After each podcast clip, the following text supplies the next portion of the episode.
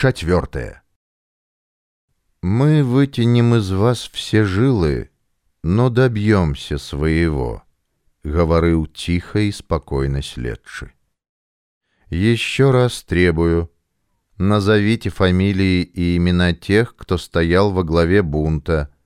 Ну, пусть восстание, как вы утверждаете. Ладно уж, пусть будет так.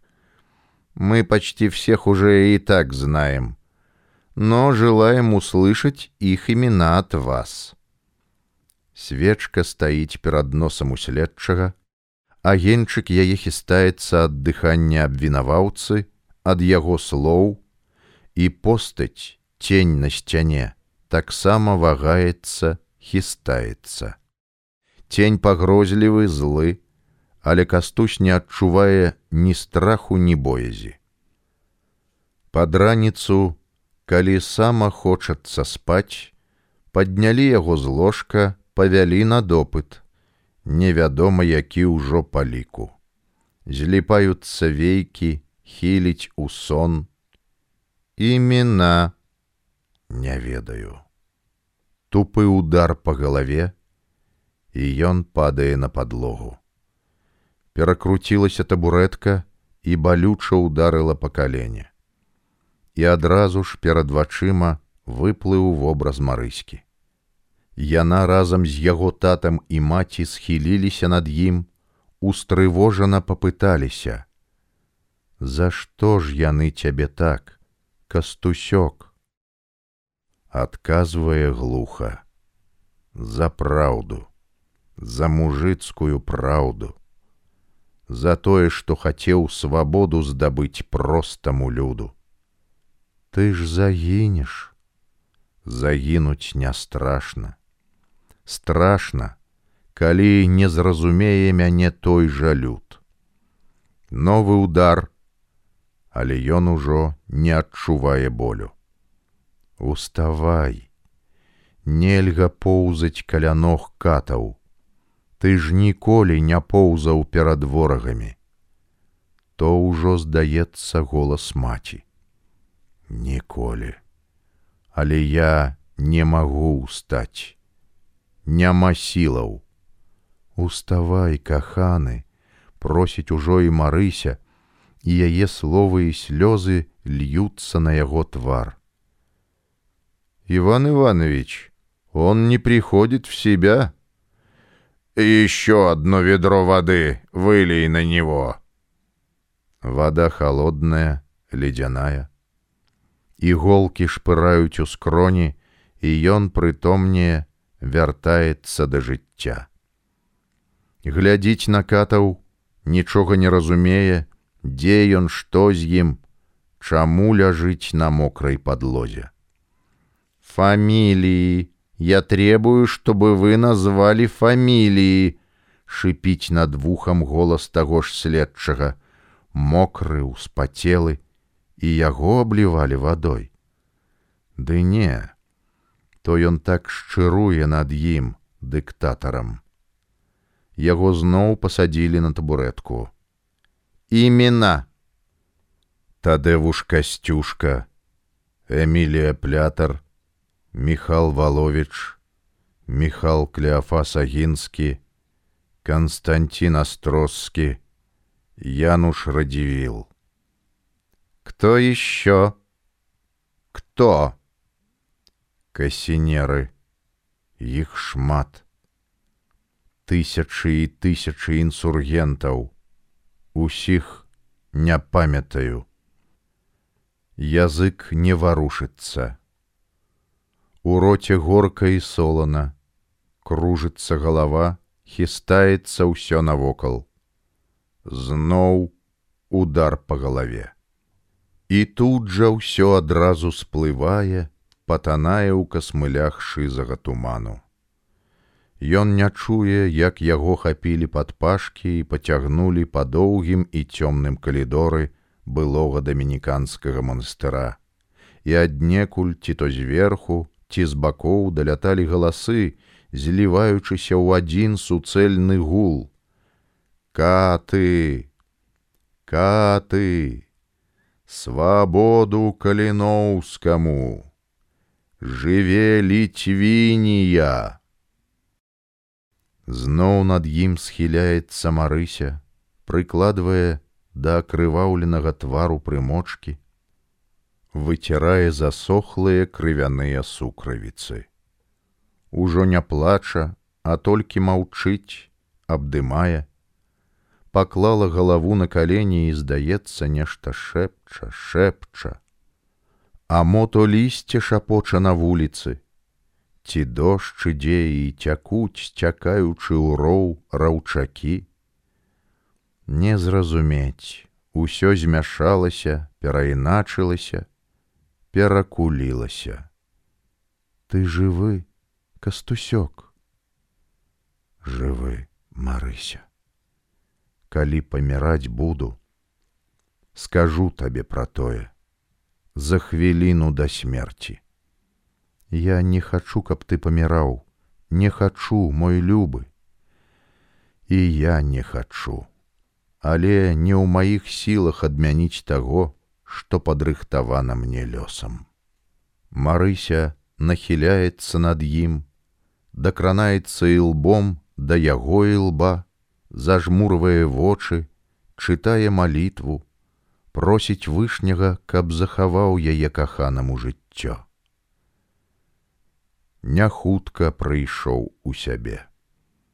А прытомніўшы, глядзеў безуважна на шэрую, выцвілую столь, і ў яго не нараджалася ніякіх думак і жаданняў. Нават пісаць ці дыктаваць сваёй чарнаброўцы чарговы ліст. Ён прымружыў вочы, глыбака ўздыхнуў. Боль ва ўсім целе, але найбольш балела галава, ванітавала. Нічога кепскага не падазраючы, Вітальд Парфіянович накіроўваўся ў Петербург. На душы ніякай трывогі, адно насцярожанасць не пакідала яго ўвесь час, прымушала прыслухоўвацца да кожнага голасу, прыглядвацца імгова да кожнага чалавека, які ўзнікаў перад ім. Ён ганарыўся тым, што ў сярэдзіне верасня пазнаёміўся з цікавым і незвычайным чалавекам, кастусём каліноўскім, пра якога шмат чуў ад іншых. А тады з Менску прыехаў камісар менскага ваяводства Михаіла Скерка. Ён жа Вітальд прыехаў з Киева, дзе вучыўся ва ўніверсітэце. У той жа дзень Михаил разам з імі завітаў на патаемную кватэру ямантаў, дзе і пазнаёміўся з кіраўніком паўстання. Ці гатовы вы паслужыць нашай справе, грамадзянин Вітальд. Зваротам грамадзянин мы карыстаемся заўсёды, у ім бачым і адчуваем сваіх. Гатоў, грамадзянин Константин Каліноўскі. У Кіеве я належу да тайнага гуртка, і мы робім усё, каб далучыцца і прыняць удзел у паўстанні супраць маскоўскага панавання. Ці магу я вам давяраць так, як самому сабе. Вам аднаму я адкрыў сваё прозвішча гэта накладае на вас патроеную адказнасць. Калі не дай Божа, вы пападзеце ў лапы жандараў, ці хопіць у вас стойкасці маўчаць і не выдаць тайну. Вітальд па-вайсковаму выструніўся. Жыццё аддам за вас і за ідэі паўстання. Каліноўскі падышоў да шафкі, высунуў шуфлятку, дастаў адтуль пакет. Вось вам першае заданне вы павінны з'ездзіць у Петербург. Даручаю вам даставіць па ўказаным адрасе і ўказаным прозвішчы мінскім паўстанцам грошы і пашпарты. 17 верасня яны разам за скеркам пакінулі вільню.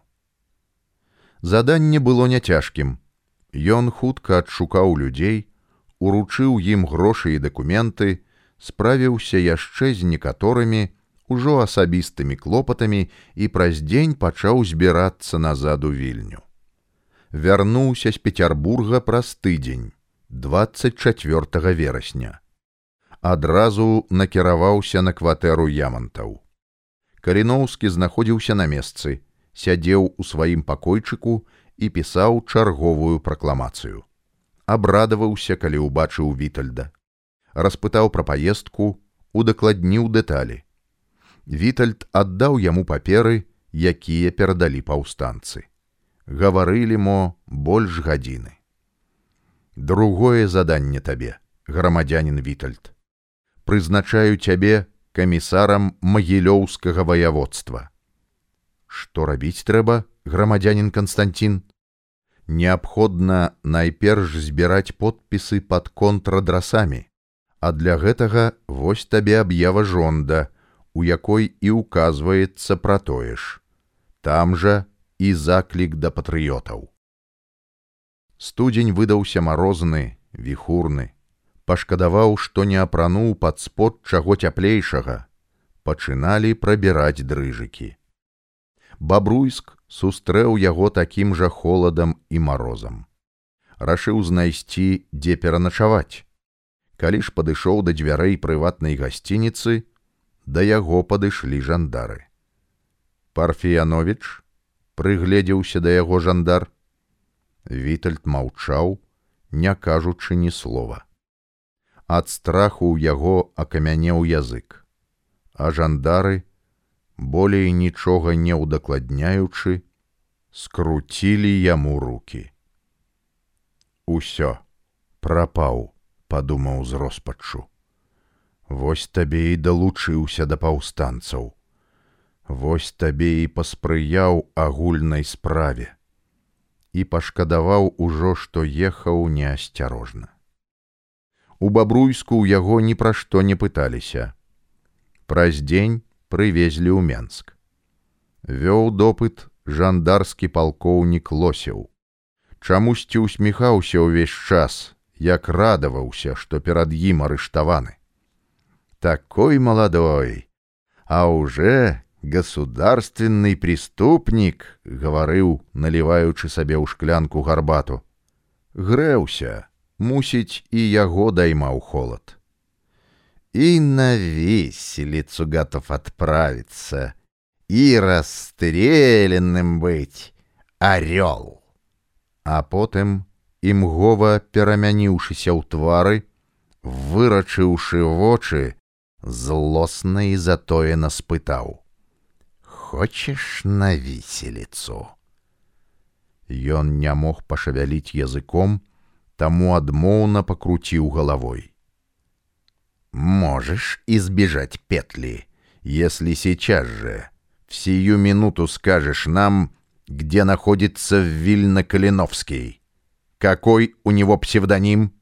Под чьей фамилией он скрывается? Ну? Ви... Вітажэнец пражывае на святаянскай вуліцы у святаянскіх мурах. Праз некалькі хвілін у вільню мураўёву паляцела шыфраваная тэлеграма. Вечарам а дзявятай гадзіне у генерал-губернатарскім палацы тэлеграму атрымалі і прыйшлі ў замяшанне, чаму не паведаміў яшчэ і пра нумар кватэры. Віленскі палісмайстар палкоўнік сарначоў, узмакрэлы, узбуджаны, асабіста праглядае дамавую кнігу і не можа знайсці прозвішча вітажэнца. Мураўёў асабіста выдаў яшчэ ў чэрвені загад, каб у кожным доме не толькі вільні, а і ўсіх мястэчак былі заведзеныя дамавыя кнігі, у якія б уносілі і гаспадароў і пастаяльцаў, што да новага года і было зроблена. Акружить дом, прымае палкоўнік рашэння. Если мало солдат, возьмите две роты, но изловите мне живым этого государственного преступника и никого не выпускать из ворот. Калі ад Вітальда адсталі жандары, калі пакінулі яго ў спакоі, выведаўшы галоўнае, ён жахнуўся. Божа, што я нарабіў? Мог жа сказаць, што не ведаю ніякага каліноўскага, што і не чуў пра такога. Не падумаў, Не падрыхтаваўся. А цяпер што? яны ж наладзяць вочную стаўку, наладзяць абавязкова. У тую ж ноч з 28 на 29 студзеня 1864 года дзве роты расійскіх гранадзёраў, падзеленыя на 10 партый, пры афіцэрах паліцыі і высокіх чыноўніках мураўёва акружылі цэлы квартал у святаянскіх мурах. Святаянскія муры гэта цэлы шэраг будынкаў, якія некалі належалі касцёлу святого Яна, займалі цэлы квартал. Імя злачынцы, якога неабходна было арыштаваць, трымалася ў вялікай тайне. І назвалі яго толькі глыбокай ноччу, калі распачаўся вобыск у кватэрах. У вялізных будынках, якія ў свой час належалі і езуіцкай калегіі, а пазней універсітэту знаходзіліся гімназія, музей старыны, цэнтральны архіў, абсерваторыя, мноства кватэр для служачых і нават здаваліся прыватныя кватэры. Прыйшлося абшукваць усе памяшканні, акружыўшы ланцугом святаянскі квартал. Падкрадваліся ціха, не выдаючы сябе ні воклічам, ні тупатам ног. Здавалася, што і мыш не магла праслізнуць. Партыі жандараў і салдат раздзяліліся адны пайшлі ў цэнтральны архіў, другія ў гімназію, трэція падаліся да памяшканняў, у якіх пражывалі настаўнікі. Прайшлі ў правы флігель, які знаходзіўся ўнізе. Афіцэр, прыставіўшы палец да губ, падаўшы загад маўчаць, пастукаў сагнутым пальцам у дзверы. Ніхто не адгукваўся. Яшчэ раз пастукаў, ужо грамчэй. Каго трэба? пачуўся мужчынскі голас за дзвярыма. У меня телеграмма для хозяина квартиры, спокойным голосом обвясціў офицер. Срочная. Пана гаспадара няма цяпер дома, Ён з сям'ёю з'ехаў у адпачынак. Тогда получите вы телеграмму и распишитесь. Так положено. Дзверы расчыніліся. На пляцоўку выйшаў юнак, у руках трымаў свечку. Убачыўшы ўзброеных людзей, ён не здзівіўся і не спалохаўся. Назавіце сваю фамілію. Паліцэйскі афіцэр падышоў зусім блізка да яго і пільна глядзеў у вочы. Паправіўшы накінуты на плечы пінжак, які спаўзаў долу, адказаў: « Я ігнат вітажэнец. Вот вы-то нам и нужны. Вы арестовываетесь. Пройдите назад в квартиру. Адразу ж пачаўся вобыск кватэры. Паперы, што знаходзіліся на стале, апячаталі. Каля грубкі ляжала горка бярозавых паленцаў. Жандар, сагнуўшыся, пачаў перабіраць іх. Пад дровамі у падлозе заўважыў добра замаскіраваны тайнік. Каліноўскі сядзеў у крэсле, нічым не выдаючы сваё хваляванне. Нават і не глядзеў, што рабіў жандар. Памочнікі прыставаў першай і другой часці па першым і другім квартале сеташеўскі і вішнеўскі, кіруючыся грозным распараджэннем і указам вышэйшага начальства аб важнасці справы, стараліся няспешна і пільна праводзіць дасканалы вобыск апячатвалі ўсе паперы, якія знаходзілі. Стаўшы на ўсколенцы, імперскі служка прачыніў патайныя дверцы, абабітыя бляхай. Дастаў адтуль каробачку, раскрыў яе, узяў у руки, пачаў разглядаць. Что это? спытаў офіцер. Революционная печать, ваше благородие, а вот и секретные документы, изобличающие арестанта. Офицер узяў у руки паперы, пробегся вачыма па старонках, хмыкнуў у кулак і кашлянуў ад задавальнення, строга загадаў. Под усиленным конвоем припроводить арестованного в доминиканскую тюрьму. Дальше с ним будет разбираться следственная комиссия. Наша миссия на этом окончена. Всем благодарность от генерал-губернатора.